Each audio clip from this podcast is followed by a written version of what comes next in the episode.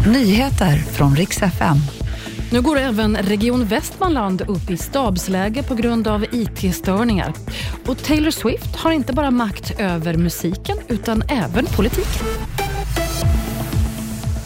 Vi ska börja med att berätta att den folkkära tv-profilen Arne Hegerfors har dött. Arne Hegerfors gick i pension 2012 och efter det haft en lång tid präglad av flera sjukdomar.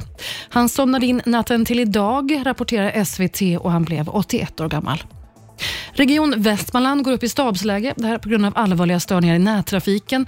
Flera system i regionen påverkas och fyra andra regioner är ju redan uppe i stabsläge sedan förra veckan på grund av den ryska hackerattacken mot en IT-leverantör. Det är nu oklart om det här också kan kopplas till samma händelse. Nästan alla tåg som går via Stockholm har fått stopp under eftermiddagen. Flera Arlanda Express-tåg har också ställts in. Och enligt Trafikverket beror det här på en nedriven kontaktledning. De flaggar för förseningar och inställda tåg på grund av detta.